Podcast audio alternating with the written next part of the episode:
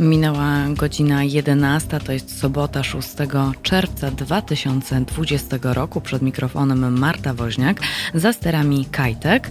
E, jesteśmy dzisiaj z Państwem razem do godziny 13, bo w dzisiejszym programie rozmawiamy sobie o dwóch e, właściwie odległych od siebie miejscach. To znaczy, najpierw lądujemy w Watykanie, e, dlatego że okazuje się, że w poniedziałek papież Franciszek wydał tam pewien dość obszerny i dość skomplikowany kodeks dotyczący korupcji i o tym opowie nam historyk dr Łukasz Jasina. Przyjrzymy się nie tylko temu, co się teraz dzieje w Watykanie, ale też e, jak to kiedyś wyglądało i że niektórzy papieże to są e, wcielone diabły.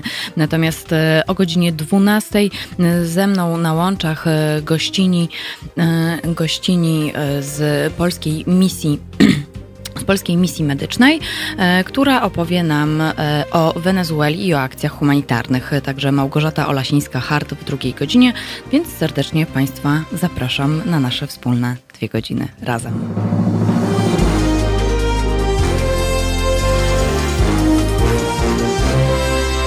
To już tak tutaj e, zbliżyłam troszeczkę, o czym będziemy dzisiaj rozmawiać. Ja przypominam Państwu, że e, wszelkie komentarze, wszelkie refleksje, e, wszelkie myśli, pytania, które się Państwu, z którymi się Państwo chcą podzielić, mogą Państwo się z nami kontaktować jak najbardziej. To jest medium obywatelskie, więc od obywateli dla obywateli i Państwa głos jest również bardzo, bardzo ważny. Do dyspozycji są, no jest dużo rzeczy do dyspozycji. Jest przede wszystkim e, telefon 22 39 059 22. Mogą Państwo dzwonić w każdej sprawie. E, mogą Państwo też pisać. E, do dyspozycji są, są dwie transmisje. Transmisja na Facebooku, ale także transmisja na YouTubie. No i jeżeli ktoś jednak bardziej woli taką tradycyjną internetową formę, to tutaj też teraz małpa.halo.radio można wysyłać maila. A jeżeli ktoś ma jakiś pomysł na temat, to tutaj w tym przypadku e, proszę wysyłać maila do mnie, czyli woźniak małpahalo.radio bez polskich znaków. Widzę, że Państwo już się zbierają. Witam, witam Pana Piotra, witam e, Gregorego, pana Grzegorza, Wolfa, pana Łukasza, Baju, Baj, Mateusza, Robsonaka i wielu, wielu innych. Proszę z nami być, proszę zadawać pytania, bo wydaje mi się, że temat dzisiaj jest dość interesujący, e, ale nie, nie tak, ja wiem, że tutaj e, wiele razy mówiliśmy o kościele, wiele razy mówiliśmy o tym, jacy są księża i tak dalej, i tak dalej, ale widzą Państwo, chciałam raczej tak zasygnalizować, że coś takiego w Watykanie się dzieje bo od samego początku pontyfikatu papieża Franciszka on y, mówił zawsze, że korupcja to jest rzecz haniebna y, i wiele dziwnych rzeczy się również y, działo, tak, tak po prostu. I on, jakby chciałabym, żebyśmy tutaj sobie się bardziej, bardziej przyjrzeli temu, że dzieją się takie rzeczy w państwie watykańskim, a nie, że to jest państwo watykańskie, bo tutaj są naprawdę dość mocne kroki. A teraz y, dr Łukasz Jasina, historyk. Czy się słyszymy? Słyszymy się, mam nadzieję, i rozumiemy. o, no to znakomicie. No to tak, watykańskie pieniądze gdzieś znikają, wyparowują. E, jakiś czas temu papież Franciszek miał spotkanie w Kenii i tam tak dość poetycko mówił e, o korupcji i ją potraktował. Papież Franciszek mówił, że korupcja jest jak cukier, jest słodka i łatwo ją spróbować, ale w końcu albo ty zachorujesz na cukrzycę, albo cały naród. Tak mówił do, do młodych Kenijczyków. E, no i też ostrzegał, nie rozsmakujcie się w tym, nie przyjmujcie tego cukru, który który nazywa się korupcją. Także y, papież Franciszek chyba ma takie dość y, no, no, poetyckie porównanie a propos korupcji, to jest jedno, ale mm, druga rzecz to, że tak bardzo mocno w nią cały czas ciśnie od początku pontyfikatu. Dlaczego właściwie? Papież Franciszek jest bardzo dobry w takich poetyckich y, różnego rodzaju metaforach. Bardzo to cieszy. E, nie tylko jest w tym dobry, ale też zdobywa bardzo dużą popularność. E, ale nie jest pierwszym papieżem, który próbuje jakoś e, tą sprawę załatwić. Jest trzeci, tylko w przeciwieństwie do swoich poprzedników nie używa filozoficznych metafor jak Jan Paweł II, czy teologicznych jak papież Ratzinger, mówi prostym, dobrym, duszpasterskim językiem, co jest takim właściwie znakiem firmowym jego pontyfikatu. I jak dwóch poprzednich papieży, bo poprzedni, jeszcze przed Janem Pawłem II właściwie nie ma żadnych dowodów, że chcieli cokolwiek z tym zrobić, podjął walkę mm, z, ze znikaniem pieniędzy, która w Watykanie miała miejsce. Jan Paweł II w pewnym momencie trochę ją przegrał na początku lat 90. Benedykt XVI zdołał uporządkować procedury, w czym był bardzo dobry. Natomiast e, Franciszek e, uczynił z tego znak firmowy swojego pontyfikatu, ze sprzątania, porządkowania kurii rzymskiej, bo inne sprawy ma zamknięte. E, nie toczy Kościół żadnych wielkich walk światopoglądowych z komunizmem, nie toczy już różnych wojen politycznych może się zająć sprzątaniem samego siebie, aby być po prostu lepszym duszpastersko-kościołem. To jest zresztą bardzo jezuickie. My cały czas zapominamy, mm, kiedy mówimy o papieżu Franciszku, że jest to papież jezuita, papież wodzący się z zakonu, który ma bardzo realistyczne podejście do rzeczywistości, przy jednocześnie bardzo mocnym aspekcie wiary. Stąd niektórych czasami zaskakuje to, że Franciszek, będąc człowiekiem bardzo nowoczesnym, jeżeli chodzi o rozmowę o polityce, o, o życiu, jest y, w dalszym ciągu człowiekiem bardzo ostrym teologicznie. Tutaj chciałabym jeszcze przytoczyć inną historyjkę z życia papieża, to znaczy kiedyś opowiadał, że w Buenos Aires, skąd pochodzi, e, umarł człowiek, o którym wiedziano, że jest całkowicie skorumpowany. E, no i dodał, że kilka dni po jego pogrzebie zapytał swoją znajomą, jak, jak minęła uroczystość. Na co ta odpowiedziała, miała dość takie spore poczucie humoru, odpowiedziała, że nie można domknąć trumnym, bo człowiek ten chciał wszystko zabrać ze sobą papież Franciszek. No cóż, cudowna metafora. cudowna metafora y, dowodząca błyskotliwości i, i, i, i, pokazująca nam, w czym Franciszek jest dobry, w tłumaczeniu nam swojego postępowania. Y, on tutaj przyszedł po Benedykcie XVI, który robił też wiele bardzo dobrych rzeczy, ale ani ja, no ja zauważałem służbowo, ale pewnie pani redaktor i wielu z Państwa, wiele z Państwa nie zauważało tego w ogóle, gdyż on komunikował się z nami takim bardzo skomplikowanym językiem teologii, a tymczasem był to papież, który chociażby pierwszy zajął się bardzo mocno kwestiami pedofilskimi w kościele. Więc y, bardzo dobrze, że Franciszek robiąc te rzeczy, też przy okazji zaczyna nam o tych rzeczach mówić. To jest taki PR, który tak pomaga Kościołowi, jakiego żaden poprzedni papież od Jana Pawła II w czasach jego takiego młodego pontyfikatu w latach 80. nie miał. No, to w takim razie papież Franciszek bierze się za korupcję, e, wkurza się bardzo mocno przy tym, bo to już ileś, ileś rzeczy się wydarzyło, ale zanim, to chciałabym, czy, czy, czy mógłbyś nam opowiedzieć, na jakiej zasadzie działają finanse Watykanu? Skąd one się właściwie biorą? Jak, jak właściwie funkcjonuje tak administracyjnie e, Watykan? E, jak na przykład, no bo tak, no bo ktoś w tych wszystkich miejscach, kościołach, no nie wiem, musi na przykład sprzątać, sprzątać, ktoś to administruje. Jak to właściwie wygląda? Nie wiem, podatki Kościół albo jest coś oczywiście... takiego, no. Państwo watykańskie, stolica apostolska, tu y, jako prawnik muszę zawsze zrobić takie zastrzeżenie na początku, że to są właściwie dwa odrębne byty. My w sensie takim y, formalno-prawnym kontaktujemy się ze stolicą apostolską, to ona zatrudnia, ona... Słyszymy się? O nie. O nie, fatalnie. Myślę, że to kwestia 30 sekund tubary. Yy, tak, yy, 30 sekund to. to hmm, no. Mniej więcej tyle, bo widzę, że tutaj najpierw yy, nastąpiło opóźnienie, a później rozłączenie sygnału. Więc y, jeśli pan y, Łukasz nie wyłączy aplikacji, to automatycznie połączy się za 30 sekund. No już teraz 20, no teraz już 15. Można tak liczyć w nieskończoność aż do zera. Znaczy zero jest jakby nieskończonością w radiu, ale nawet moje gadanie tutaj nie, nie przykrywa. Ojej, ale jesteś kochany. Słuchaj, nie, to w takim razie różnego rodzaju chochliki. E, no, chochliki to chyba, to chyba byśmy e, poradzili sobie z Fateless, co? No tak. Tak, zdecydowanie. To do, do, do rozmowy o tym, jak funkcjonuje, e, funkcjonuje Watykan, stolica apostolska, państwo watykańskie, to wrócimy sobie za moment. Ale co? Ale co się wydarzyło? Ja tylko zrobię taki poranny dżingiel. Przerwało nam połączenie. Przypadek?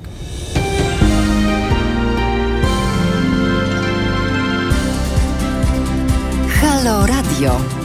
Pierwsze radio z wizją.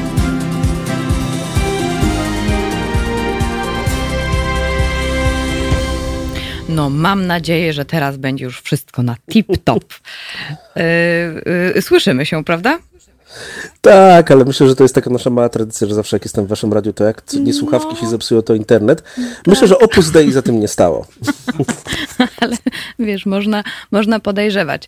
E, słuchaj, to zanim powiemy, -huh. powiemy o tym, tak e, o tych takich, jak to, jak to funkcjonuje, e, to tutaj -huh. nasi słuchacze sygnalizują, między innymi Gregory House, a czy to Jan Paweł I nie przypłacił życiem za próbę zabrania się za finanse Watykanu i później jeszcze pisze, gdy został papieżem natychmiast wziął się za porządkowanie Banku Watykańskiego, który miał powiązania z mafią jakiś czas później. Uh mhm. -huh. Zmarł na atak serca w łóżku. Więc. E, Jest e, bardzo silny mit, że tak było. W wypadku Jana Pawła I, zresztą został bardzo mocno ten mit e, rozkrzewiony też przez filmy, na przykład Ojca Chrzestnego 3, mm, ale my nie mamy na to żadnych dowodów, że tak było. Nie ma żadnych dokumentów, które się zachowały. To oczywiście nie jest też żaden dowód, że, było, że nie było tak, jak mówi nasz słuchacz.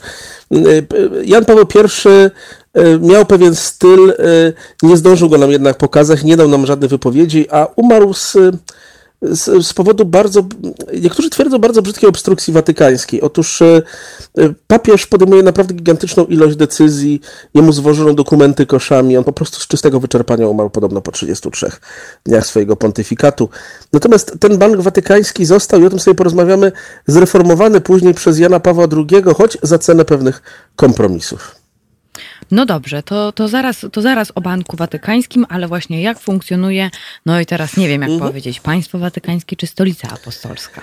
No my sobie to oczywiście pewne uproszczenia przyjęliśmy, będziemy używali wymienienie tego sformułowania Watykan, stolica apostolska. Niech, e, mam nadzieję, że prawnicy międzynarodowi nas nie słuchają i się nie będą czepiać. Uf, uf. Funkcjonuje, a jak już to z góry powiem wam, że to upraszczamy publicystycznie z panią redaktor Woźnik. Otóż to jest kwestia e, dość skomplikowana. Nie o wszystkich finansach wiemy. E, Watykan dostaje przede wszystkim pieniądze od kościołów lokalnych.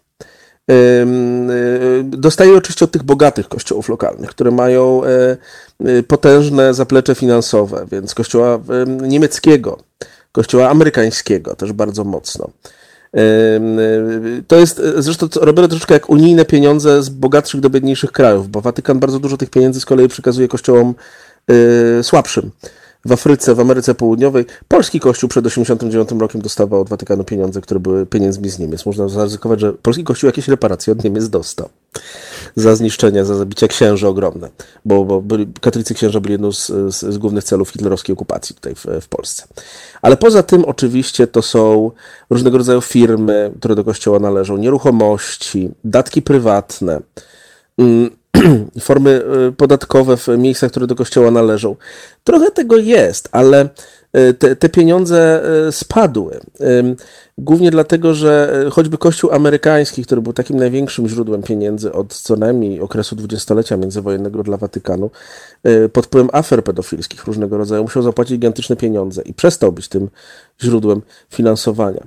A to jest gigantyczna ilość pracowników samej stolicy apostolskiej, choć oczywiście, jak się domyślacie Państwo, księża i zakonnice, a zwłaszcza zakonnice, bo tutaj mamy jednak bardzo określone uprzywilejowanie płciowe w Watykanie, e, pracują za e, wręcz niewolniczo, za nieduże pieniądze, ale jednak są to kwestie utrzymania żywności różnego rodzaju. Do tego wszystkiego dochodzi niesamowicie chłonna, jeżeli chodzi o pieniądze, ale potrzebna Watykanowi watykańska służba dyplomatyczna. Te wszystkie e, nuncjatury apostolskie, które które funkcjonują sobie na świecie, które muszą być jakoś utrzymane. Podróże wszelkiego rodzaju, muzea watykańskie, archiwa, tym podobne sprawy.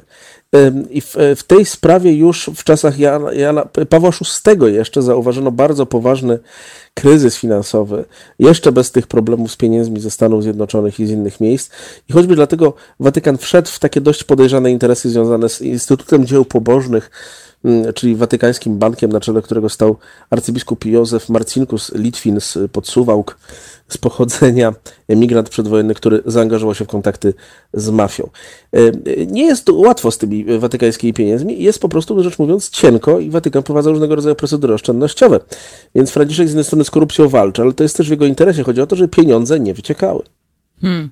A wyciekają dość mocno. No i w związku z tym, ale to jak wyciekają, bo to, to sobie tak na później zostawmy.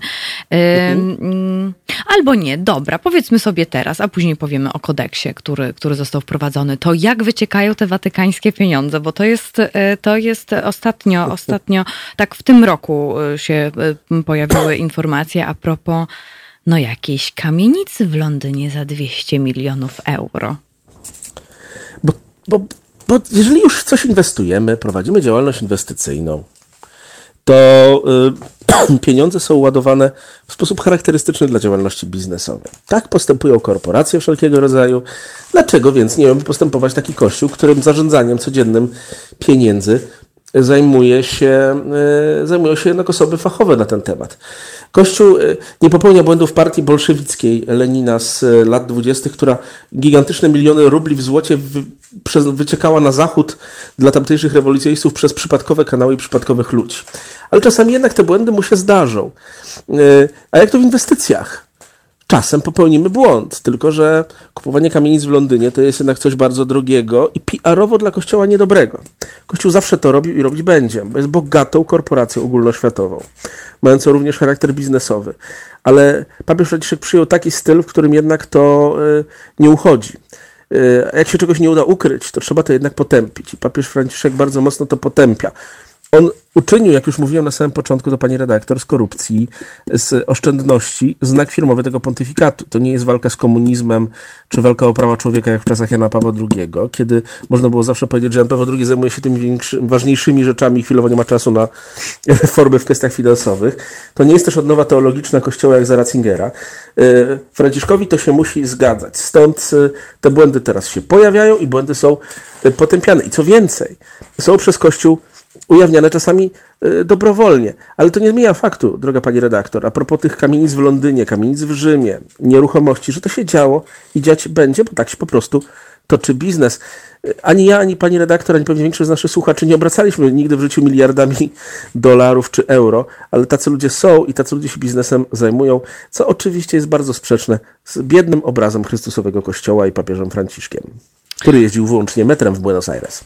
No tak, to teraz tak właśnie jak, e, e, jak słucham, to przypomina mi się, że przecież papież Franciszek też dostaje bardzo dużo drogich prezentów. Bardzo drogich prezentów. Czy to z okazji, nie wiem, Światowych Dni Młodzieży, czy to po prostu, e, bo nie wiem, czy dostanie właśnie jakieś Lamborghini, czy inne, inne bardzo drogie prezenty, to on akurat pierwsze co robi, bo sobie tak myślę o tej takiej jego skromności i takiego nie, y, nie epatowania jednak y, pieniędzmi, y, to, to on zawsze oddaje na wszystkie możliwe akcje charytatywne. Czy to też jest tak, że w Watykanie jest jakaś taka fundacja, czy papież ma jakąś swoją własną, bo jak, na jakiej właściwie, właściwie to zasadzie działa, że papież Watykan dostaje i później i... mówi nie chcę, oddaję tobie fundację moja i róbcie z tym co chcecie. Watykan i Stolica Apostolska mają bardzo rozbudowany system charytatywny, różnego rodzaju fundacji. Kościół jest największym dziełem charytatywnym na świecie, o czym wiemy. No, w Polsce na przykład ilość inicjatyw, które robi Caritas, o, zawsze przewyższała. E, zawsze ja przewyższała. Jesteśmy, tak, słyszymy jesteśmy, się? jesteśmy, słyszymy się. Już się bałem, że wyjawiam jakieś, jakieś różne rzeczy. Słuchajcie, drodzy Państwo, Caritas kościelny, instytucje kościelne Watykanu i wszystkich kościołów narodowych to są największe instytucje charytatywne na świecie, więc nie ma naprawdę problemu z tym, żeby znaleźć potrzebujących. E, Kościół jest tą instytucją, która ma, że tak się wyrażę, pełną wiedzę o biedzie na świecie, od Afryki, Ameryki Południowej, podajmy na to Białystok. Więc z tym problemu nie ma. I w Polsce na przykład Caritas, e, jak się popatrzy, policzy różną, różną, różną ilość jego inicjatyw, to bije i państwowe instytucje, a w pewnych sprawach i Wielka Orkiestra Świątecznej Pomocy też. Więc Watykan nie ma z tym problemu. Problemem jest to, że my nie wiemy i nie mamy danych, na ile, ta, ile tych prezentów do papieża trafia, jak one są potem rozprowadzane, jak jest z tymi donacjami. Wie pani, no, e, królowie, papieże mogą wydać różnego rodzaju decyzje, oddać to, sprzedać to, a potem to już realizacja zależy niekoniecznie od nich. Ja my, e, kwestie pieniężne, pieniądze, dat, datki na Watykan są przekazywane jednak podejrzewam strukturą budżetowym. A, a ja osobiście jeszcze nie słyszałem o żadnej znaczącej aukcji jakiegoś wspaniałego prezentu dla papieża. To kilka razy zrobili Paweł VI i Jan Paweł II. Oni dostali na przykład takie ładne złote tiary zaraz po objęciu tego urzędu. Obydwaj zdecydowali się je sprzedać charytatywnie, obydwie zostały kupione przez Amerykanów. E, ale jak jest naprawdę? Nie wiem. Ważną rzeczą w wypadku papieża Franciszka jest to, że on bardzo ostro to potępia, ale pamiętajmy o tym, że ten taki rozdenerwowany Franciszek e, zamienia się po e, zasiądnięciu w gabinecie w sprawnego, dobrego, zarządzającego Watykanem urzędnika. My cały czas widzimy w nim południowoamerykańskiego papieża rewolucjonista. To jest jeden z lepszych administratorów w historii Kościoła. Hmm. A podobno nawet y, przed Trybunałem w Watykanie trafił polski ksiądz, który został skazany na trzy lata, chociaż y, na początku, kiedy y, usłyszał zarzuty, to jego prawnik twardo mówił, o, że nie, nie, nie, wszystko tutaj jest w porządku, zostaniemy uniewinnieni. No i co trzy lata? Mógłby się o tym opowiedzieć? Tak, to jest, to jest donos. Zacznijmy tu od jednej prostej rzeczy. Otóż twarzą skromności papieskiej, walki z korupcją, udzielania pomocy jest Polak. Inny ksiądz zupełnie, nie ten, który trafił do 3 lata do więzienia. Mam na myśli już teraz kardynała Konrada Krajewskiego. On, y, on autentycznie kieruje całym tym aparatem pomocy, plus y, nadzoruje to na świecie, plus jeszcze do tego wszystkiego odpowiada za takie różne PR-owe akcje papieża w stylu ratowania mm, rodzin w biednych domach, które nie mają na energię elektryczną. I yy, I e, ten ksiądz, o którym, e, o którym mówisz, został oskarżony o działania czysto korupcyjne, o przyjmowanie, o przyjmowanie datków i branie ich do własnej kieszeni. Jest to przy okazji rzecz, której Kościół nie dopuszczał nigdy. Nawet w najbardziej skorumpowanych czasach Kościoła każdy ksiądz musiał się dzielić ze swoim kierownictwem. Hmm. Natomiast Franciszek ma jeszcze inną rzecz, z którą, e, z którą udało mu się bardzo porządnie zawalczyć. To jest kwestia poziomu życia różnego rodzaju ważnych kardynałów, biskupów. E, już Jan Paweł II i Jan Paweł I też nie zdążył, ale Jan Paweł II dawał pewien przykład skromnego życia. Otóż Jan Paweł II nie remontował swojego apartamentu przez 25 lat. E, tam nawet podstawiono czasami miednicę w łazience, bo przeciekała woda. Jan Paweł II chciał żyć skromnie. Apartament wypucował sobie dopiero na, na takie luksusową wersję Benedykt XVI, który, jak to złośliwcy twierdzą, jako Niemiec był przyzwyczajony do luksusowego stylu życia. E, natomiast Franciszek postanowił, że tak nie można. Mimo tego, że jest już człowiekiem dość starym, bo Franciszek ma w tej chwili 83 lata, proszę Państwa, czyli prawie tyle, ile miał Jan Paweł II przed swoim odejściem, tylko jest zdrowszy od niego. E, zamieszkał w hotelu Świętej Marty, to jest taki dom, domu Świętej Marty, to jest taki hotel, tam jest on taki znośny ikeowski apartament, do Pałacu Apostolskiego jeździ tylko do pracy ale zaczęto e, zajmować się tymi gigantycznymi apartamentami byłych sekretarzy stanu, różnych ważnych kardynałów, którzy czasami mieszkają w mieszkaniach, które mają po 300 metrów, z jakimiś podejrzanymi kamerdynerami, e, którzy tam z nimi mieszkają i tak dalej, i tak dalej. Watykan za to się troszeczkę zabrał i troszkę przestało to kłuć e, w oczy ludzi w Rzymie, bo e, Panie redaktor, można mówić ludziom o skromności, ale każdy korespondent prasy światowej, bez względu na to, czy lewicowy z zachowania, czy prawicowy, widział, że ta skromność nie dotyczy księży kardynałów. I to zaczęło się troszeczkę dziać. Z tymi wyrokami więzień jest jeszcze inny problem. Trybunał Watykański działa. Tylko w wypadku wyroków wskazujących Watykan musiałby przekazywać tych ludzi do więzień włoskich, a y, tej rzeczy nie udaje się Franciszkowi zmienić. Korporacja światowa z niezależnością terytorialną nie chce jednak przekazywać ciągle swoich, y, y, że tak wyrażę, funkcjonariuszy do dyspozycji zupełnie innego państwa. Tak byłoby na przykład z arcybiskupem Wesołowskim skazanym za pedofilę, gdyby nie to, że nagle umarł na atak serca jeszcze przed operacją. Hmm. Do naszej e, rozmowy wrócimy już e, za moment. E, powiemy sobie trochę o kodeksie, ale też powiemy sobie o tym, jak inni papieże, co oni mieli, mają za uszami, albo czym się zajmowali, albo nie zajmowali, ale to już wszystko za moment. Tak po czym? Po We Didn't Start the Fire. Halo Radio. Gadamy i Trochę gramy.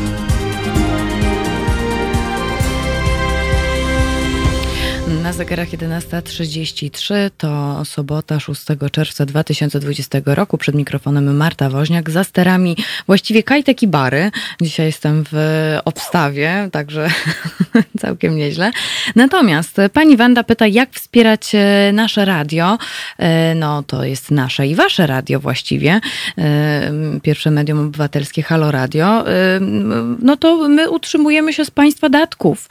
Po prostu jak można znaleźć, gdzie można znaleźć informacje na ten temat, to tutaj odsyłam na stronę www.halo.radio. E, tam są numery kont, żeby było jak najwygodniej. Nawet no, każda złotówka się tutaj dla nas liczy, po to, żebyśmy mogli się rozwijać i żeby, żebyśmy mogli rozmawiać o różnych e, tematach, e, jak chociażby teraz. Natomiast, natomiast można też zostać naszym patronem, albo można, mamy też tak zwany Halo Sklep i w Halo Sklepie są na przykład kubki, albo jak ktoś pije, to jest kawa na przykład. Oj, tutaj Bary prezentuje właśnie kawę. Jeżeli Państwo słyszą, a nie widzą, to, to, to, to jest również kawa. Także na wiele, wiele, wiele sposobów i e, za każdy datek bardzo, bardzo dziękujemy e, i proszę nieść dalej Halo Radio w świat, bo to akurat ważne, by budować e, niezależne medium obywatelskie, których, jak Państwo wiedzą, takich mediów w Polsce nie ma. E, no to cóż, wracam, wracamy do naszego tematu watykańskiego. E, tutaj e, Państwo wskazują, tutaj Gregory House wskazuje mi na to, żebym kiedyś zrobiła audycję o matce Terese, Teresie z Kalkuty. No, zapisuję, zapisuję. Pomysłów ostatnio na audycję jest dość, dość sporo, także, także może nam się kiedyś uda. Natomiast teraz jesteśmy cały czas Także teraz jesteśmy cały czas, e, teraz będziemy dalej, wracamy do Watykanu. Natomiast e, tak, chciałabym się zapytać, jak różnego rodzaju afery finansowe wpływają na wizerunek Watykanu, ale też na przykład na wizerunek papieża bo y, no jednak tak się nie myśli o tych wszystkich szeregowych urzędnikach watykańskich. Tam się wymieni może ich z nazwiska czasami, ale raczej gromy się cisną na y, reprezentanta.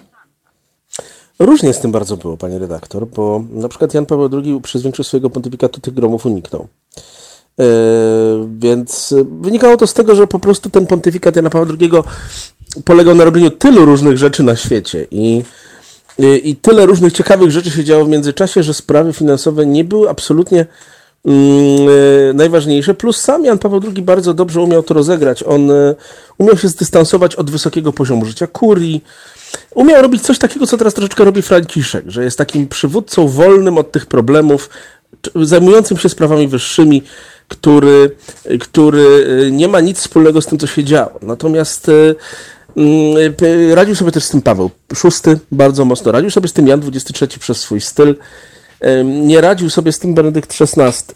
I to był cały gigantyczny paradoks, polegający na tym, że bardzo prawicowy, ostry, konserwatywny teolog, jakim był Benedykt XVI, autentycznie podjął bardzo duży trud y, reformowania wnętrza Watykanu, kurii, sekretariatu stanu, kwestii finansowych, y, ale jednocześnie popełniał bardzo wiele niezręczności, takich jak chociażby remont apartamentu, o którym mówiłem, czy mm, powrót do takiego bardzo uroczystego stroju papieskiego, którego nie używali wcześniej papieże od Pawła VI i na nim to bardzo mocno spłynęło i ta pewna niechęć, pewne takie lęki społeczne związane z tym wszystkim doprowadziła, była jedną z wielu rzeczy, które doprowadziła do papieskiej abdykacji. Franciszek, proszę Państwa, uciekł do przodu. On e, po prostu stał się najostrzejszym krytykiem wnętrza kurii, mm, e, tego typu zachowań. E, a jeżeli ktoś staje na czele buntu przeciwko swojej własnej instytucji, to nie może być już obciążony potencjalnie złem. Po raz kolejny powiem, że Franciszek obok tego, że jest naprawdę niesamowitym PR-owcem, jest też bardzo dobrym politykiem. Bo ponieważ to nie on zbiera te wszystkie negatywne komentarze, staje się też tym kimś, kto może te sprawy i problemy rozwiązywać. Y, a on akurat, tak jak już też znowu mówiłem, w przeciwieństwie do Jana Pawła II, który skupiał się raczej na wielkich ideach świętych, komunizmie, tego typu rzeczach, skupia się rzeczywiście na wewnętrznej reformie Kościoła. Tutaj e, ktoś ze słuchaczy zapytał a propos tego, ile w takim wypadku e, Watykan dał na walkę z pandemią koronawirusa. Różnie oczywiście, bo też znowu nie wiemy, jak to księgować. Czy liczy się pieniądz przekazany przez Watykan jako Watykan, czy też Stolicę Apostolską, czy w ogóle to, co robił Kościół na świecie, prawda? Oho, oho, i znowu chocki klocki się zrobiły. Tak, zrobiły się. Kajtek, Kajtek kiwa głową, że tak. E, no to proszę Państwa, chyba musimy. E, no i ten chochlik, chochlik, to jest niewiarygodne, co się dzisiaj dzieje. E, proszę Państwa, no to musimy w takim razie wrócić do rozmowy już za moment. Państwo nam muszą to wybaczyć i miejmy nadzieję, że już do końca, do godziny 12 wszystko będzie w porządku, ale teraz Państwa zostawiam na chwilę z muzyką. Halo Radio. Gadamy i trochę gramy.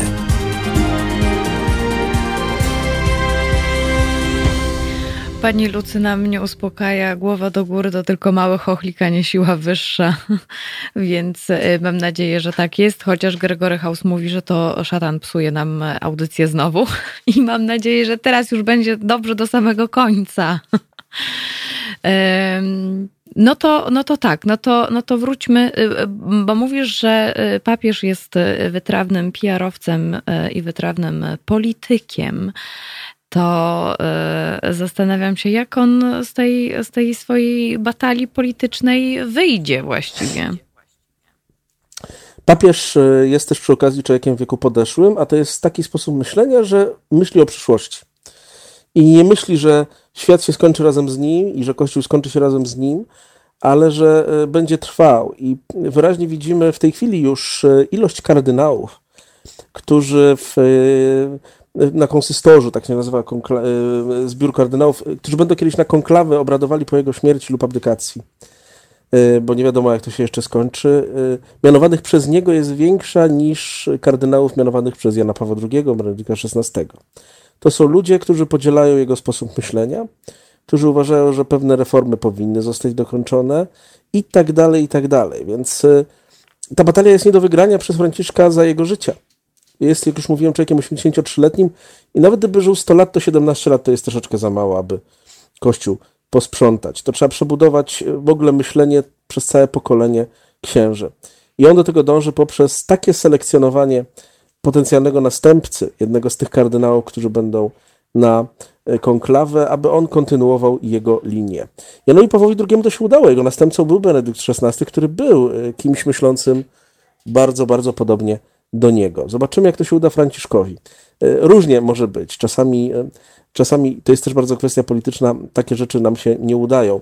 Na razie jednak Franciszkowi pozostało po Franciszku już bardzo, bardzo wiele takich czysto technicznych reform w tej kurii. Ona jest zdecydowanie lepiej zorganizowana, zdecydowanie lepiej działająca, ale jak już też wspomniałem, nie wiem, czy tego akurat nie ucięło, w dalszym ciągu nie jest przejrzysta dla nas, dla, to zarówno dla tych z nas, którzy w Boga wierzą i są jakoś członkami Kościoła, jak i dla tych pozostałych ludzi. Ciężko jest to zresztą zrobić, bo jak już wspomniałem, korporacyjny sposób myślenia bardzo mocno takie rzeczy każe utajniać, bez względu na to, czy te pieniądze są święte i leżą w kościele, czy też są mało święte i leżą, dajmy na to, w wielkiej światowej korporacji.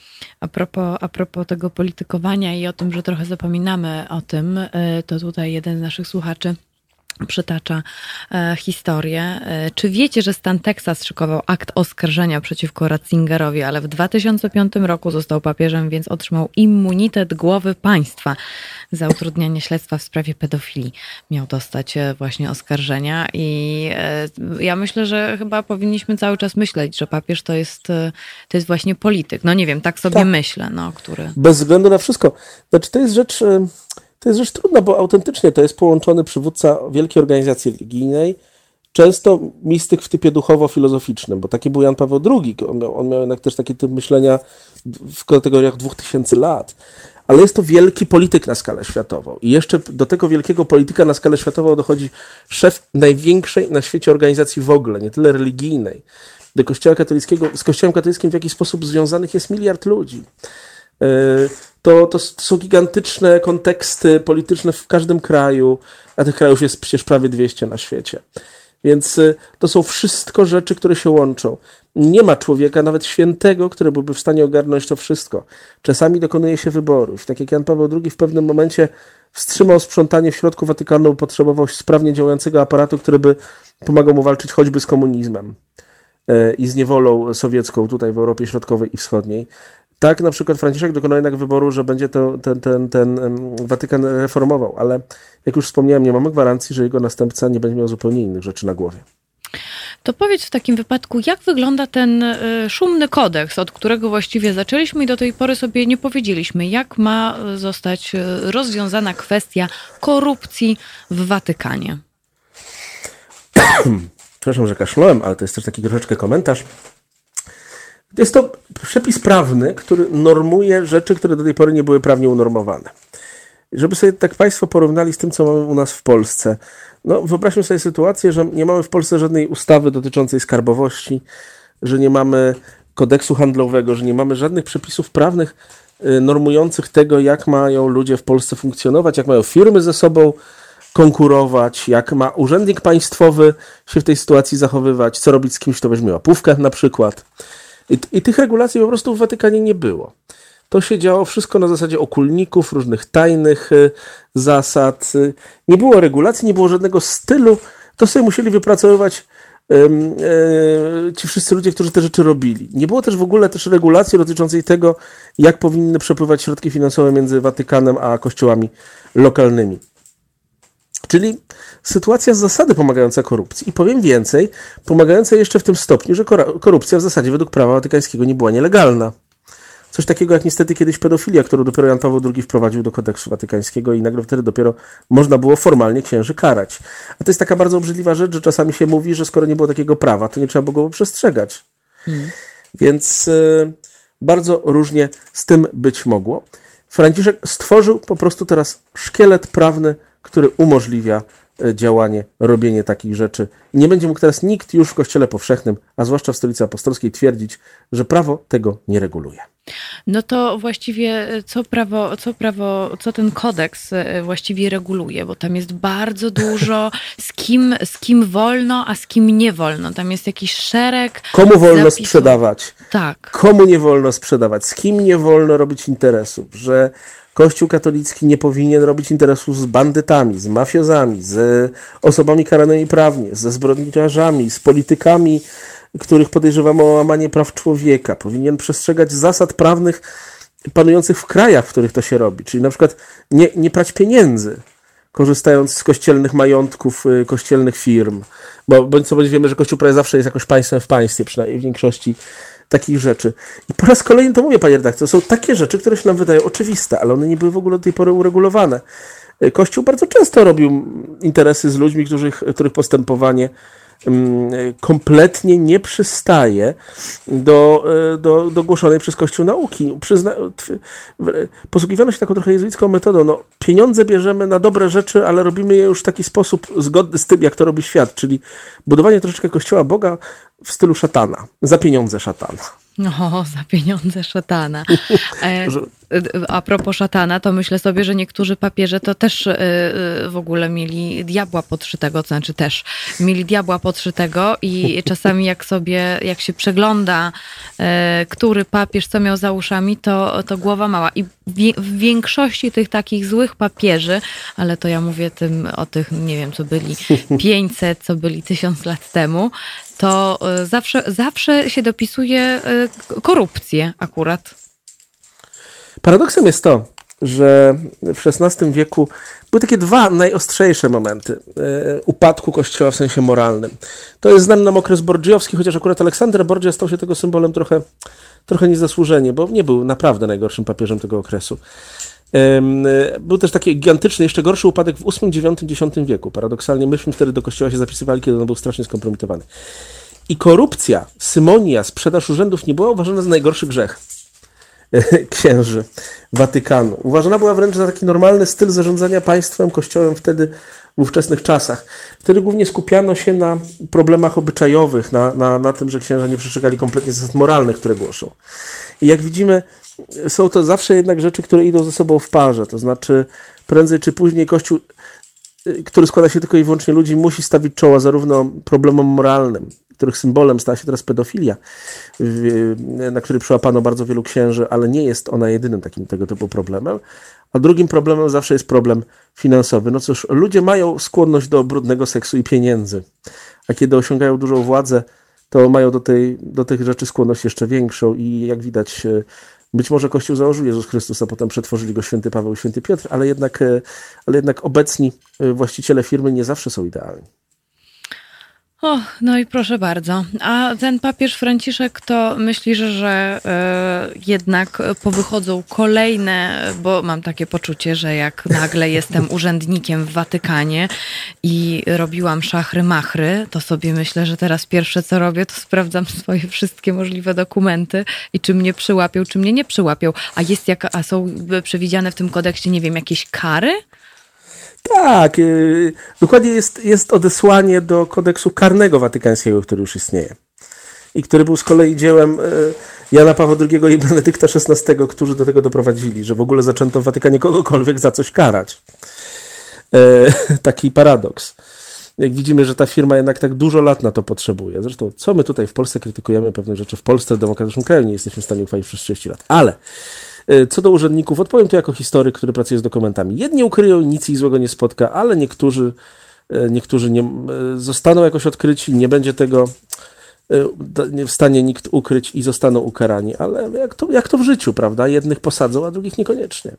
A później po latach powychodzą różne rzeczy, jak teraz się Wiadomo, dowiadujemy. Ale to już co najwyżej powoduje zniesienie pomnika, czy czy zmianę nazwy ulic, y, wyrazu ubolewania, zapłacenie odszkodowań nielicznym żyjącym ofiarom, ale, ale kary takiej już klasycznej nie ma. Y, Kościół ma, jedno, Kościół ma ten problem, że jest dla swoich wiernych jednak instytucją istniejącą również w bycie duchowym, poza tym bytem materialnym. I gigantycznym problemem, na przykład w wypadku wspomnianej Matki Teresy, świętej Matki Teresy z Kalkuty, kanonizowanej już przez papieża Franciszka, mimo e, posiadania pewnej wiedzy, informacji na temat różnych nieprawidłowości, które miały miejsce w domu w Kalkucie i w innych miejscach, problemem byłoby to, że można kogoś potępić, powiedzieć, że coś złego robił, ale jak cofnąć świętość? Tego nie ma. Takiej możliwości nie ma. Samo jest zresztą z Janem Pawłem II, proszę Państwa. On został też przez Franciszka kanonizowany, uznany za świętego za przykład. Nie można go tak konsto krytykować no to może za 200 lat e, przyjdzie jakiś taki kodeks, e, który będzie mówić za 200, 300, może za 1000, że jednak można cofać świętość. Pani redaktor ma tutaj rację, przywołując e, perspektywę, w której istnieje Kościół i ludzie, którzy na jego czele stoją. Oni nie myślą w perspektywie 20 lat, ale 2000 lat. Ta instytucja istnieje 2000 lat, nawet jak uznamy, że papieże trochę sobie zawłaszczyli to pochodzenie od świętego Piotra, to i tak jest 1500. Hmm. I to jest perspektywa, w której oni myślą. Niestety w tej perspektywie bardzo często brakuje takiego drobnego myślenia o sprawach przyziemnych, jak dobro zwykłego, prostego człowieka. I to jest bardzo smutna konstatacja, ale niestety prawdziwa. I to tym smutkiem właśnie skończymy naszą rozmowę o korupcji w Watykanie, o pieniądzach i nie tylko. E, jeżeli mają Państwo jakieś e, ciekawe rzeczy do polecenia, to bardzo, bardzo zawsze to jest cenne, żeby sobie uzupełniać wiedzę. E, ja dziękuję z tego miejsca doktorowi Łukaszowi dziękuję Jasinie bardzo. za naszą wspólną godzinę, mimo, mimo tych chochlików, ale myślę, że się czegoś dowiedzieliśmy. No i tak jak mówiłam e, wcześniej, komentowałam jednemu z naszych słuchaczy, że taca tacą, ale chodzi o zdecydowanie grubsze rzeczy, bo tak jest. Bo tak, no i jak widać. E, taca, możliwe... proszę Państwa, jest na utrzymanie tych księży, których znamy z parafii zazwyczaj. E, oni naprawdę nie obracają takimi sumami jak Watykan. No właśnie, no właśnie. Więc e, patrzymy po prostu, patrzymy, ja sobie tak myślę, wiesz, po tej rozmowie, że e, patrzymy na nich jak na, na takich no, no, urzędników polityków, no, bo to tak inaczej... A, to jest bardzo dobre podejście to inaczej, to inaczej się nie da. A duchowość to jest, myślę, coś, coś zupełnie odrębnego. No nic, moim Państwa gościem dr Łukasz Jasina, historyk. Dziękuję, Dziękuję bardzo. My słyszymy się natomiast już za moment, bo już za moment porozmawiamy sobie o akcjach humanitarnych, ale też e, przypatrzymy się, jak to wyglądało w Wenezueli, bo Małgorzata Olasińska, hard dyrektorka programu pomocy humanitarnej Polskiej Misji Medycznej, e, wiele, wiele lat w Wenezueli spędziła pomagając i opowie nam, jak to wyglądało z jej perspektywy i co właściwie widziała, ale to już za chwilę. E, natomiast ja zostawiam Państwa z utworem MGMT.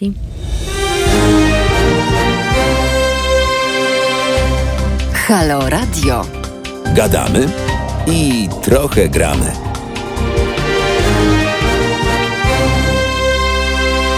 Przed mikrofonem Marta Woźniak za sterami Kajtek. To jest Halo Depesza 6 czerwca 2020 roku i teraz z Watykanu przenosimy się do Wenezueli. E, moją i Państwa gościnią jest Małgorzata Olasińska-Hart, dyrektorka programu pomocy humanitarnej Polskiej Misji Medycznej. Witam serdecznie. Dzień dobry. Witam. E, to tak, będziemy sobie rozmawiać o Wenezueli, ale też sobie porozmawiamy e, w ogóle o akcjach humanitarnych, e, o pomocy humanitarnej, bo jakiś czas temu, kiedy akurat w naszej Halo Depeszy rozmawialiśmy o, czy to o Jemenie, czy to o Somalii, padło właśnie takie pytanie, jak takie akcje wyglądają właśnie w dobie pandemii, bo to może nie być takie oczywiste. Dlatego moje pierwsze pytanie do Pani to właśnie, jak wygląda pomoc humanitarna dla krajów, które, które, które są w kryzysie? E, czy, czy, no i teraz jeszcze dochodzi do tego koronawirus. E, jak wygląda docieranie konwojów z pomocą, z paczkami? Jak wygląda sytuacja właśnie w różnych regionach świata? Koronawirus y, spowodował przede wszystkim zamknięcie granic, nie tylko naszych europejskich oraz krajów rozwiniętych, ale też krajów pozostających w kryzysie, między innymi właśnie Wenezueli. Wenezuela jest całkowicie odcięta od kontaktów międzynarodowych.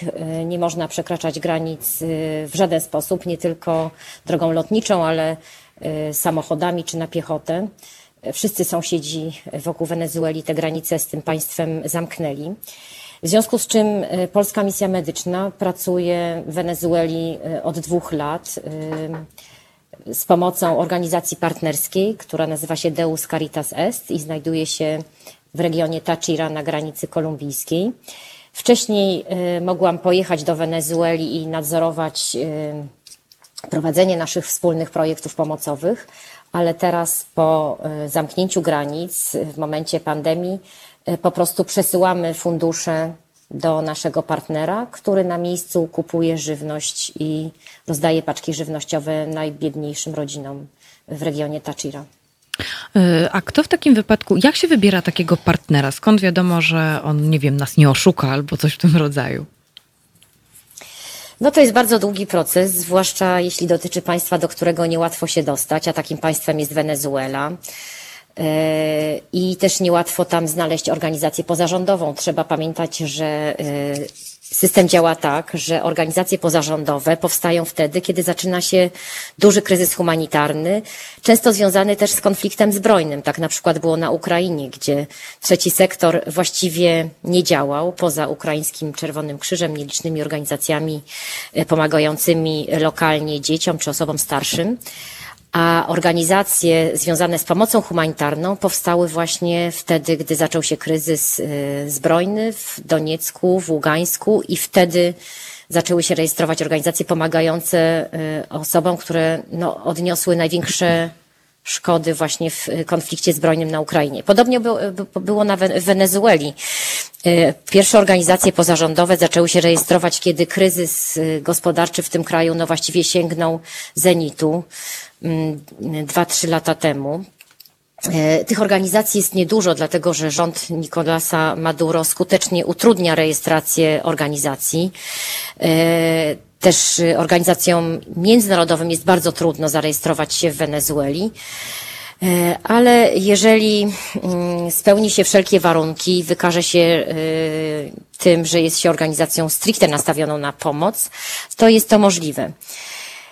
Żeby znaleźć naszą organizację partnerską, zrobiłam bardzo duży research w krajach ościennych. Skontaktowałam się z przedstawicielami Kolumbijskiego Czerwonego Krzyża, skontaktowałam się z organizacjami działającymi w e, obszarze praw człowieka, skontaktowałam się też z naszymi placówkami dyplomatycznymi e, i z biurami koordynacji pomocy humanitarnej Unii Europejskiej OCHA. E, I tak naprawdę e, organizację Deus Caritas Est poleciła mi taka e, mm, sieć organizacji zajmujących się prawami człowieka, nazywa się to Funda Redes oraz szefowa Kolumbijskiego Czerwonego Krzyża. E, skontaktowałam się z tą organizacją, a następnie poleciałam do Wenezueli, żeby spotkać się osobiście z prezesem Deus Caritas Est i tak rozpoczęła się nasza współpraca, podpisaliśmy umowę, no i e, nigdy nie zawiedliśmy się na naszym partnerze. A czym właściwie jest pomoc humanitarna? Czy to są właśnie tylko paczki z żywnością? E, tutaj akurat jak pani wspominała o Ukrainie, to przypomniało mi się, że właśnie kiedy wybuchł ten konflikt, e, to pamiętam, że w mediach pojawiały się też informacje a propos tego, że właśnie ciężarówki z pomocą humanitarną były zatrzymywane, że konwoje nie mogły przekraczać granic. Czy y, z takimi sytuacjami również się Pani spotkała? W przypadku na przykład Wenezueli albo w ogóle w polskiej misji medycznej? My nie wysyłamy w ogóle konwojów y, z pomocą humanitarną y, nigdzie, dlatego że jest to nieefektywna forma pomocy, bardzo kosztowna i po prostu niebezpieczna, nie ze względu na bezpieczeństwo osobiste ludzi, którzy na przykład prowadzą konwój czy w nim uczestniczą, ale ze względu na obostrzenia prawne i możliwość na przykład przestoju na granicy nie, w nieograniczonym czasie, jeżeli zatrzymany taki konwój zostanie z powodu braku jakiegoś dokumentu przez kogoś, kto no, no nie chce go po prostu przepuścić. Więc organizacje już e, wiele, wiele, wiele lat temu odeszły od wysyłania konwojów z pomocą i my tego też nie robimy. Zbieramy fundusze i kupujemy wszystkie e, produkty i lekarstwa na miejscu, dlatego że jest to o wiele tańsze, jest to efektywniejsze, a też w wypadku e, na przykład obrotu lekami, środkami medycznymi, medycznymi. Y, jest to regulowane prawnie. Y, leki, którymi, y, które dostają lekarze, nawet jeżeli są to leki za darmo, muszą być zarejestrowane w kraju, w którym ci lekarze będą leczyć, więc w tym wypadku na przykład w Wenezueli. Muszą mieć opisane mm, dawkowanie oraz cały opis składu leku w języku lokalnym, więc na przykład w Iraku jest to język arabski. E, e, I taka rejestracja każdego leku i związane z tym obostrzenia, no po prostu trwałyby tak naprawdę latami, więc organizacje tego w ogóle nie robią. Po prostu zbierają fundusze i kupują leki na miejscu, dlatego że jest to tanie, nie kosztuje to transportu, nie kosztuje to cła, przewozu e, i można w najbardziej efektywny sposób wydać pieniądze, które wpłacają nam darczyńcy. Natomiast jeżeli chodzi o konwoje zatrzymywane na granicy ukraińskiej, to nie jest to granic, nie były to granice Unii Europejskiej i Ukrainy. My wtedy jako Polska Misja Medyczna posłaliśmy ciężarówkę z lekami na Ukrainę, y, ponieważ Ministerstwo Zdrowia jednego i drugiego kraju umożliwiło nam bardzo szybką ścieżkę y, legalnego przewozu leków z przetłumaczonymi na język ukraiński ulotkami. Te konwoje były zatrzymywane na granicy y, obwodu donieckiego i obwodu ługańskiego, które zostały zajęte przez separatystów i de facto obecnie są częścią mniej lub bardziej formalną Rosji, ponieważ mieszkańcy tych regionów y, otrzymali rosyjskie paszporty. I te granice były nieprzejezdne dla konwojów, czyli tam organizacje nie mogły wjechać z pomocą. Mm, wjeżdżał tylko Czerwony Krzyż, który nie jest organizacją pozarządową. Wszystkie komitety Czerwonego Krzyża, krajowe i międzynarodowe, mają bardzo specyficzny status, który pozwala im właśnie na przekraczanie granic wtedy, kiedy wszystkie inne organizacje wjechać nie mogą. Także w Wenezueli y, mm, działamy lokalnie, przesyłamy pieniądze na konto y, naszych partnerów i na miejscu kupujemy żywność od lokalnych producentów i rozdajemy na je uboższym rodzinom. Czyli y, to, bo też się tak zastanawiam, skąd organizacje wiedzą, czego potrzeba w danym kraju, ale to w takim wypadku zakładam, że właśnie ci partnerzy, z którymi Państwo współpracują, to wiedzą, co jest potrzebne, jakie typy leków, żywność i tym podobne, czy tak? Tak, dokładnie tak. My opieramy się na rozpoznaniu potrzeb prowadzonych przez naszych partnerów. Jeżeli y, są to kraje, do których jest nam trudno wjechać, bądź też nasz przyjazd jest bardzo kosztowny, bo trzeba powiedzieć, że lot do Wenezueli, zakwaterowanie, jest to wydatek rzędu 6-7 tysięcy złotych i szkoda tych pieniędzy na, y, na takie administracyjne y, wydatki, jeżeli możemy mieć zrobione rozpoznanie potrzeb przez naszego partnera, więc my przesyłamy ankiety, które mm, są wypełniane na miejscu w takich wywiadach z rodzinami, które prowadzą wolontariusze naszej partnerskiej organizacji. Następnie wyniki tych ankiet są wprowadzone, wprowadzane w taki arkusz Excela, który my możemy edytować i analizować. Yy, I stąd wiemy, jakie są potrzeby. Po prostu analiza tych arkuszy pozwala nam wyciągnąć yy, wszystkie informacje, które są nam potrzebne do podjęcia decyzji, yy, co zostanie kupione, żeby pomóc y, jak największej ilości osób w jak najsensowniejszy sposób. To w takim wypadku, co jest potrzebne teraz Wenezuelczykom? Y, tak naprawdę y, kraj znajduje się na skraju upadku gospodarczego. I rozpoczął się w Wenezueli głód. Tego do tej pory nie było. Brakowało, brakowało żywności, brakowało przede wszystkim też leków i opieki medycznej, ale w momencie nałożenia embarga całkowitego na handel z Wenezuelą przez Stany Zjednoczone a, i też embarga na e, handel przez Wenezuelę e, ropą naftową z innymi krajami, e, Dodatkowo zamknięcie granic y, z powodu koronawirusa. Granice, kiedy dopóki były otwarte, to jeszcze ludzie mogli przejeżdżać je i, y, i handlować mm, pomiędzy tymi przejściami granicznymi. To był taki przygraniczny handel. Rodziny, które uciekły z Wenezueli, mogły przesyłać rodzinom, które zostały w Wenezueli, jakieś pieniądze. Koronawirus to wszystko po prostu zlikwidował, ponieważ granice są zamknięte, konta zamrożone. No i rozpoczął się głód, dlatego po y, akcji y, związanej z y, zakupem szczepionek w ubiegłym roku zdecydowaliśmy się na pomoc żywnościową i Polska Misja Medyczna rozpoczęła akcję Mama dla Mamy, tak symbolicznie w Dzień Matki.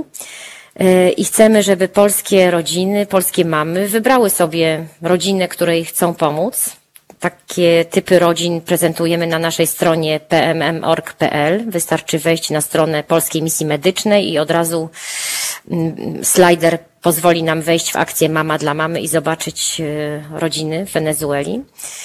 E, I te paczki są kupowane na miejscu i przekazywane tym rodzinom. Mamy w tej chwili w bazie danych e, ponad 500 rodzin. Udało nam się wcześniej dostarczyć paczki dla 200 rodzin, a chcemy jeszcze kupić paczki dla co najmniej 300 rodzin, więc mamy nadzieję, że, że polskie mamy i polskie rodziny odpowiedzą na, na naszą prośbę, na nasz apel i podzielą się tym, czym mogą tak naprawdę funduszami na, na naszą pomoc dla rodzin w Wenezueli. Ja chciałam powiedzieć, że my nie, my nie mamy pojęcia, co to jest ubóstwo tak naprawdę, mm, ponieważ u nas no, nikt nie śpi na klepisku, nikt nie wychowuje dziecka w wózku supermarketu, nikomu e, nie leci e, z dachu woda na głowę, jak śpi i nie zalewa go rzeka codziennie, kiedy pada deszcz.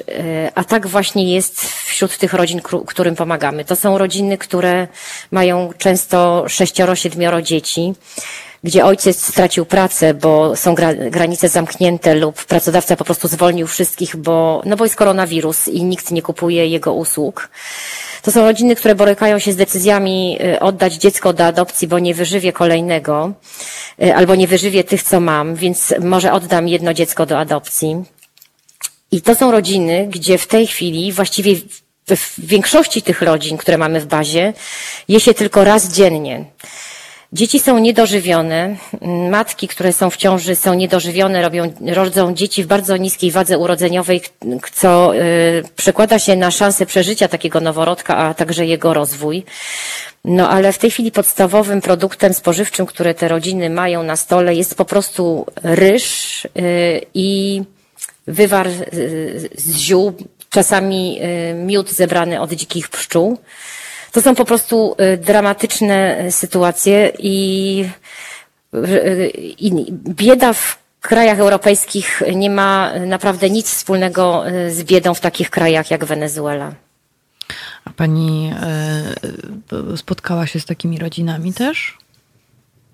Tak, widziałam te rodziny i dlatego podjęliśmy decyzję y, o pomocy tym rodzinom. Ja mm, byłam w Wenezueli w marcu, kiedy zaczęły zamykać się granice na całym świecie. Zamknęły się też granice Wenezueli i nie można już się było wydostać nigdzie. To y, zaczęło się 15 marca, a ja przyleciałam do Wenezueli 11 marca. I po kolei traciłam wszystkie możliwości wydostania się z tego kraju, a też byłam właśnie w Tachira, czyli na granicy kolumbijskiej, która zamknęła się w momencie, kiedy wysiadłam z lokalnego samolotu. Miałam bardzo dużo szczęścia, że udało mi się y, wykonać pracę, z którą pojechałam, czyli y, podjąć, podjąć decyzję, y, jaką następną akcję pomocową będziemy wykonywać i, i w jaki sposób. I mogłam się spotkać z tymi rodzinami i oczywiście z naszym partnerem w Tachira, w Rubio. No i tak naprawdę udało mi się wyjechać z Wenezueli ostatnim lotem Turkish Airlines przez Stambuł do Europy, która już była zamknięta. Oczywiście utknęłam w Berlinie, potem w Polsce musiałam odbyć kwarantannę. No ale mało brakowało, a do tej pory bym musiała być w Wenezueli, która nie otworzyła granic i, i wydostać się z niej nie można. Więc widziałam, widziałam wstrząsające obrazy Widziałam dzieci My, w szpitalach. my, to, my to widzimy tylko powiedzmy sobie na zdjęciach, e, ale tak do nas nie trafia. Dlatego właśnie chciałam, pytam o te rodziny, o te spotkania z nimi, o spotkania z, z tymi osobami, które zupełnie inaczej funkcjonują niż my. E, No i o odczucia, bo to jest, e, bo co pani, co pani widziała właściwie, to jest, wydaje mi się, takie nie, no, niesamowite i dość przerażające. Tak, no. y, Jest tak, że kiedy widzi się rodzinę w domku z blachy falistej, w której nie ma y, łazienki, kiedy, gdzie wszyscy śpią na jednej pożyczonej macie i ta pożyczona mata od sąsiada jest jakby jedynym sprzętem w pokoju, w którym y, się śpi, je i funkcjonuje, bo jest tylko jeden pokój w domku z blachy falistej. I tak naprawdę, kiedy wiemy, że ta rodzina uciekła z jeszcze gorszych warunków właśnie do Rubio, do Tachira, żeby tutaj móc jakoś egzystować i korzystać z tej możliwości zarobku przy granicy kolumbijskiej, bo ci ludzie mogli wykonywać wiele zawodów w związku z tym ruchem przygranicznym. Mogli gotować takie posiłki mm, na takich kuchenkach przy drodze, mogli mm, przekraczać granicę, coś sprzedać, coś kupić, mogli proponować noclegi, mogli proponować transport, mogli naprawiać rower, mogli naprawiać walizki. W tej chwili to wszystko się skończyło i te y, tysiące rodzin, które które szukały no, takiej możliwości przeżycia tutaj przy granicy kolumbijskiej w Wenezueli, no straciły tę możliwość. Yy, I zaczęła się tak naprawdę wegetacja i czekanie na pomoc. I jest tak, że jeżeli yy, ta pomoc nie przyjdzie, no to, to będzie coraz gorzej. Mo- być może ci ludzie nie umrą z głodu, ponieważ taki stan niedożywienia może trwać całymi latami, ale dzieci, które przez y, 2-3 lata nie mają zbilansowanej diety, zatrzymają się w rozwoju już na zawsze. Ich y, nie, nie, nie urosną, ich mózg nie będzie się rozwijał prawidłowo, y, nie skończą szkoły. To są konsekwencje takie genetyczne, których już się po prostu nie powstrzyma. Trzeba też powiedzieć, że Tachira jest takim stanem będącym w dużej opozycji do rządzącego mm, prezydenta Nicolasa Maduro, który od początku walki z opozycją nakładał sankcje na ten stan. Na przykład e, odcinał tam dopływy e, gazu, prądu, e, czy też na przykład benzyny. Kiedy byłam tam po raz pierwszy w ubiegłym roku, widziałam olbrzymie kolejki do stacji benzynowych, których nie widziałam na przykład w Caracas. E, A odcięcia prądu teraz sięgają 20 godzin na dzień. Po prostu nie ma prądu, a jedyna państwowa firma, która dostarczała gaz, przestała go dostarczać, więc ludzie chodzą do lasu, rąbią drzewa i na tych drzewach gotują ten e, jeden posiłek dziennie. E, Pani Małgorzato, myślę sobie, że e, wrócimy do naszej rozmowy już e, za moment, e, bo chciałabym się zapytać, też mamy jedno pytanie od naszej słuchaczki Ewy, które myślę, że będzie dość ciekawe, ale też o wyjaśnienie właśnie, jak, za ile właściwie żyją Wenezuelczycy i pojawił się też taki mit a propos tego, że w Wenezueli było tak źle, że turyści zjeżdżający musieli przywozić papier toaletowy. Ale o tym już za moment. Teraz e, Crowded House Weather with You.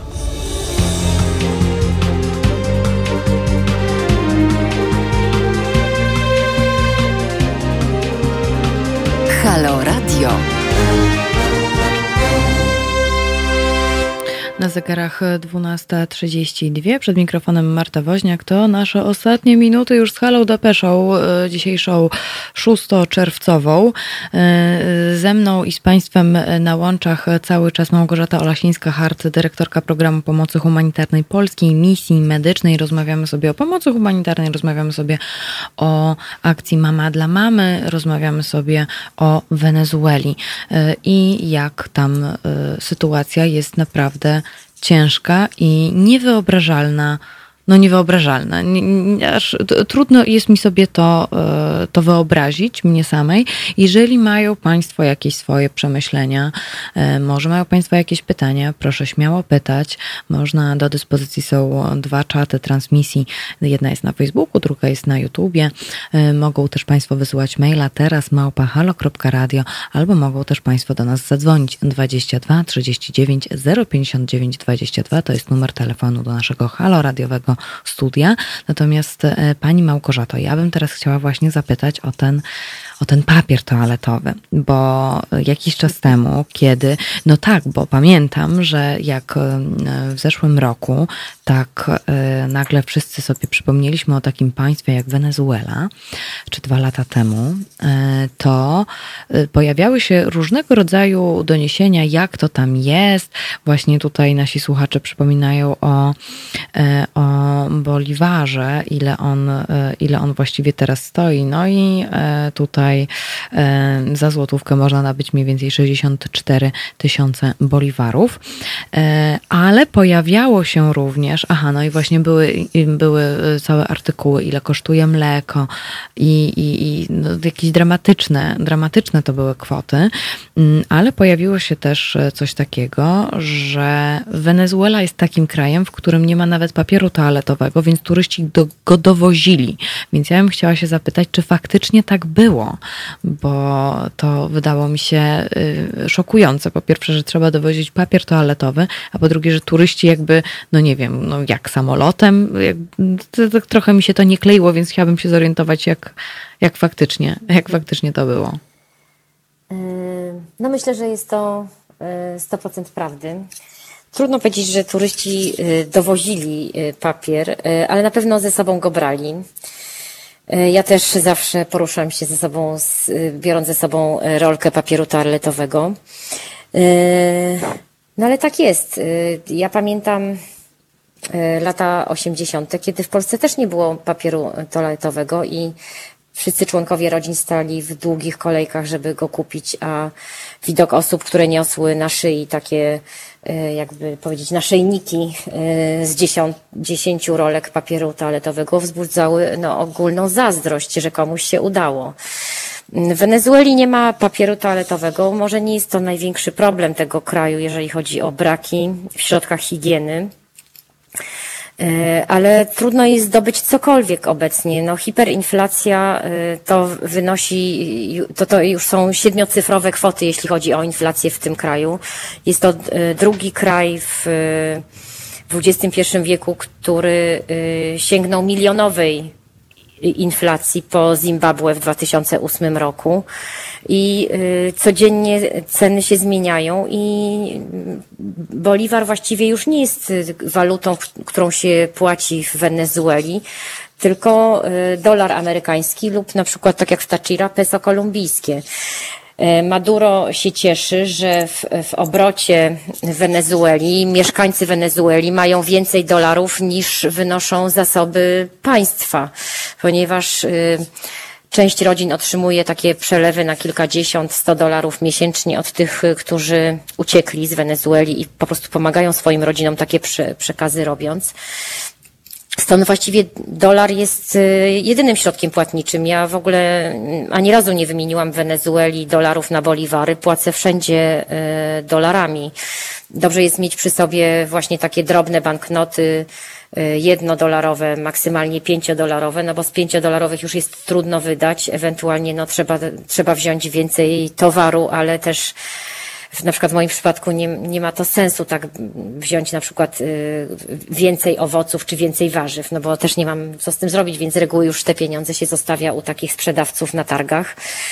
No ale tak, jest to olbrzymi problem i mm, Ludzie też y, uciekają y, z biedniejszych regionów, na przykład do miast, szukając pomocy medycznej, dlatego że y, bardzo dużo lekarzy uciekło z Wenezueli, nie mogąc leczyć z braku lekarstw, z braku antybiotyków, środków do znieczuleń. Nie można przeprowadzać operacji chirurgicznych, bo nie ma czym znieczulać, nie działają maszyny do anestezji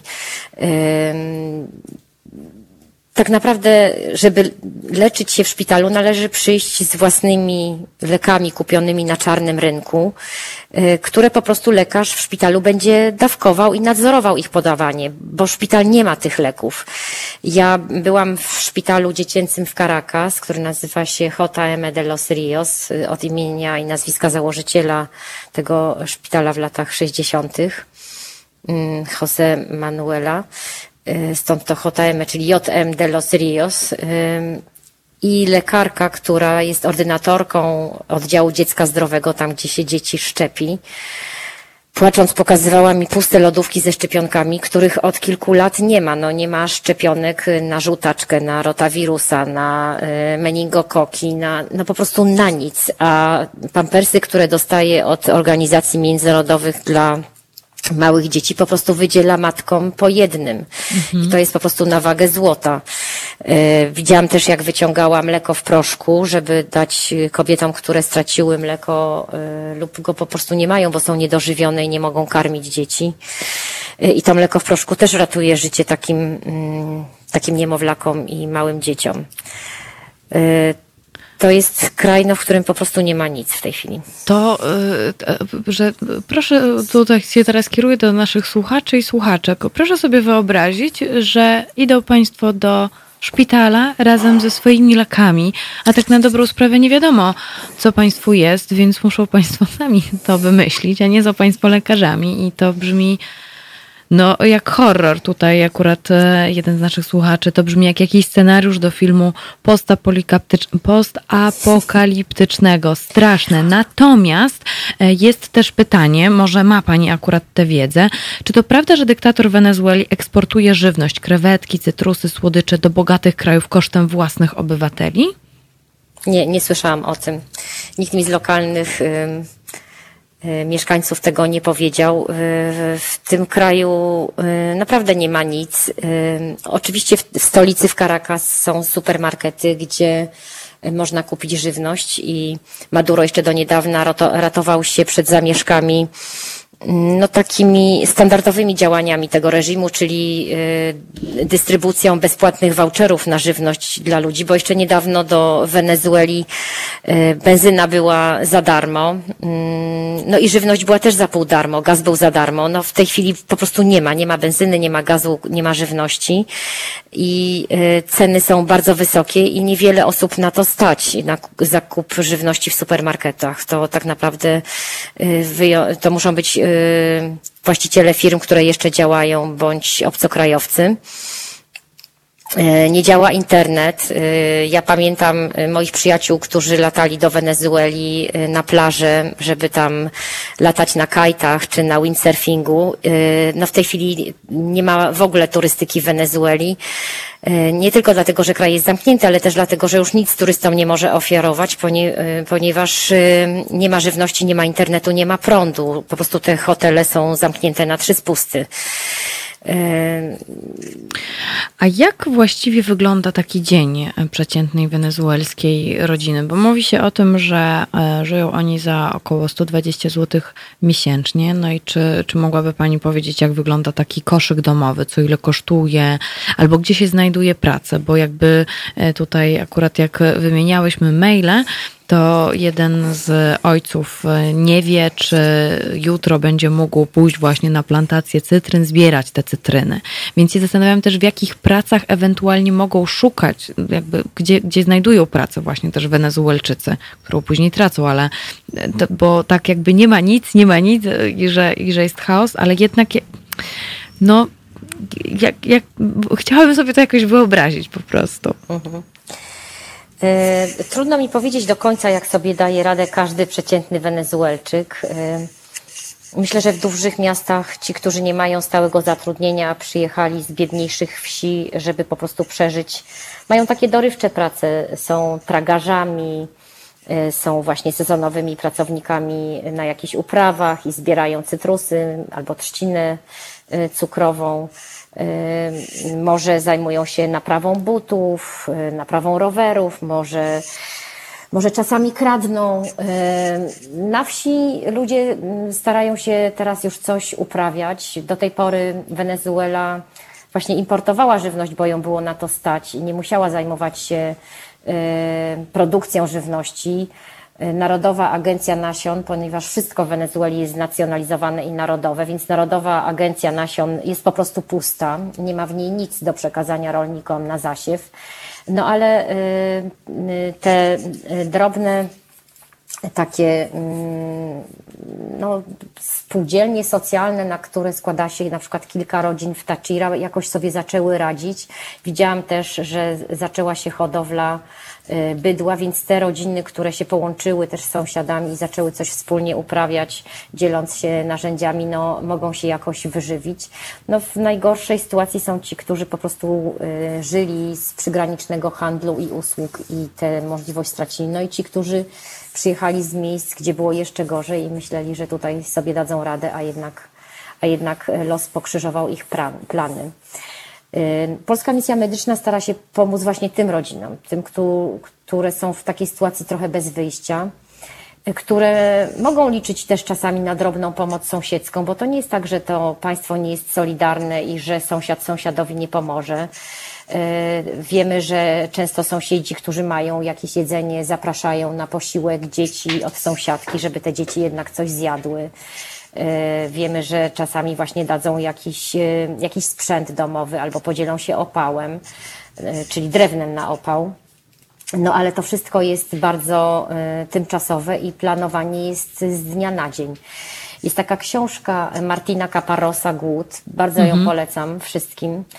E, gdzie e, on pyta mieszkankę jednego z krajów afrykańskich, e, gdybyś miała jakieś marzenie, które mogłoby być spełnione przez dobrą wróżkę, to powiedz cokolwiek, co byś chciała, żeby dostać, żeby, żeby było ci, żebyś była szczęśliwa do końca życia. I ta kobieta mówi, że ona chciałaby dostać krowę, żeby móc codziennie mieć mleko i codziennie mieć co jeść, bo wtedy mogłaby to mleko na przykład sprzedać.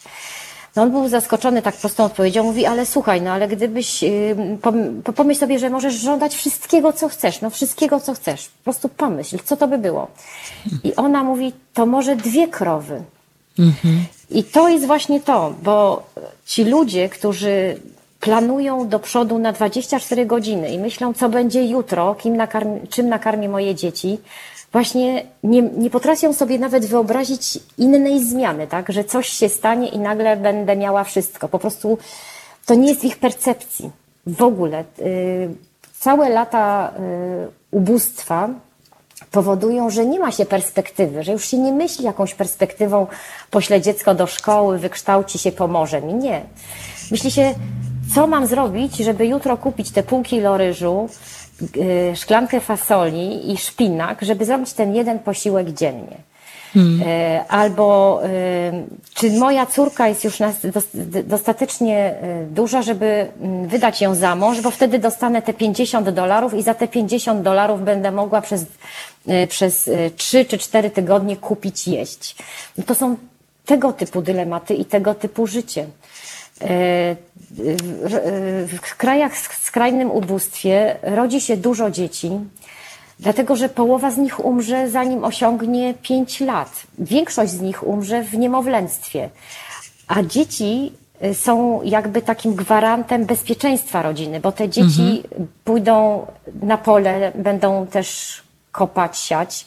Te dzieci pójdą czerpać wodę ze studni, te dzieci pójdą do jakiejś drobnej pracy do kogoś i przyniosą może jakiś grosz do domu, a dziewczynki się wyda za mąż i dostanie się za to pieniądze. Ja mówię tutaj o krajach, y, gdzie, gdzie jest taka tradycja, prawda? Nie, no nie jest to pewnie Wenezuela ale musimy pomyśleć o tym, jak funkcjonuje nasza perspektywa w kategorii naszych planów życiowych, a jak funkcjonują ludzie, którzy żyją w skrajnym ubóstwie latami. A to jest właśnie case teraz w Wenezueli. To się zaczęło i to zaczyna trwać już szósty rok. Będziemy się na pewno Wenezueli przyglądać. Pani Małgorzato, musimy już kończyć. Na zegarach jest 12.47. E, bardzo dziękuję za nasze spotkanie e, i myślę, ja że jeszcze myślę, że jeszcze do tego wrócimy, bo jeszcze mam e, plany tutaj wobec. Ja chciałam tylko powiedzieć, że proszę bardzo Polaków o wejście na stronę pmm.org.pl i wsparcie naszych działań, wsparcie też akcji na Wenezuelę E, na Syrię czy w krajach afrykańskich, e, ponieważ żyjemy w kraju bezpiecznym, żyjemy w kraju, e, który ma służbę medyczną na wyciągnięcie ręki, w których działają organizacje pozarządowe, w których działa pomoc społeczna, w których działa pomoc sąsiedzka, ponieważ mamy zasoby.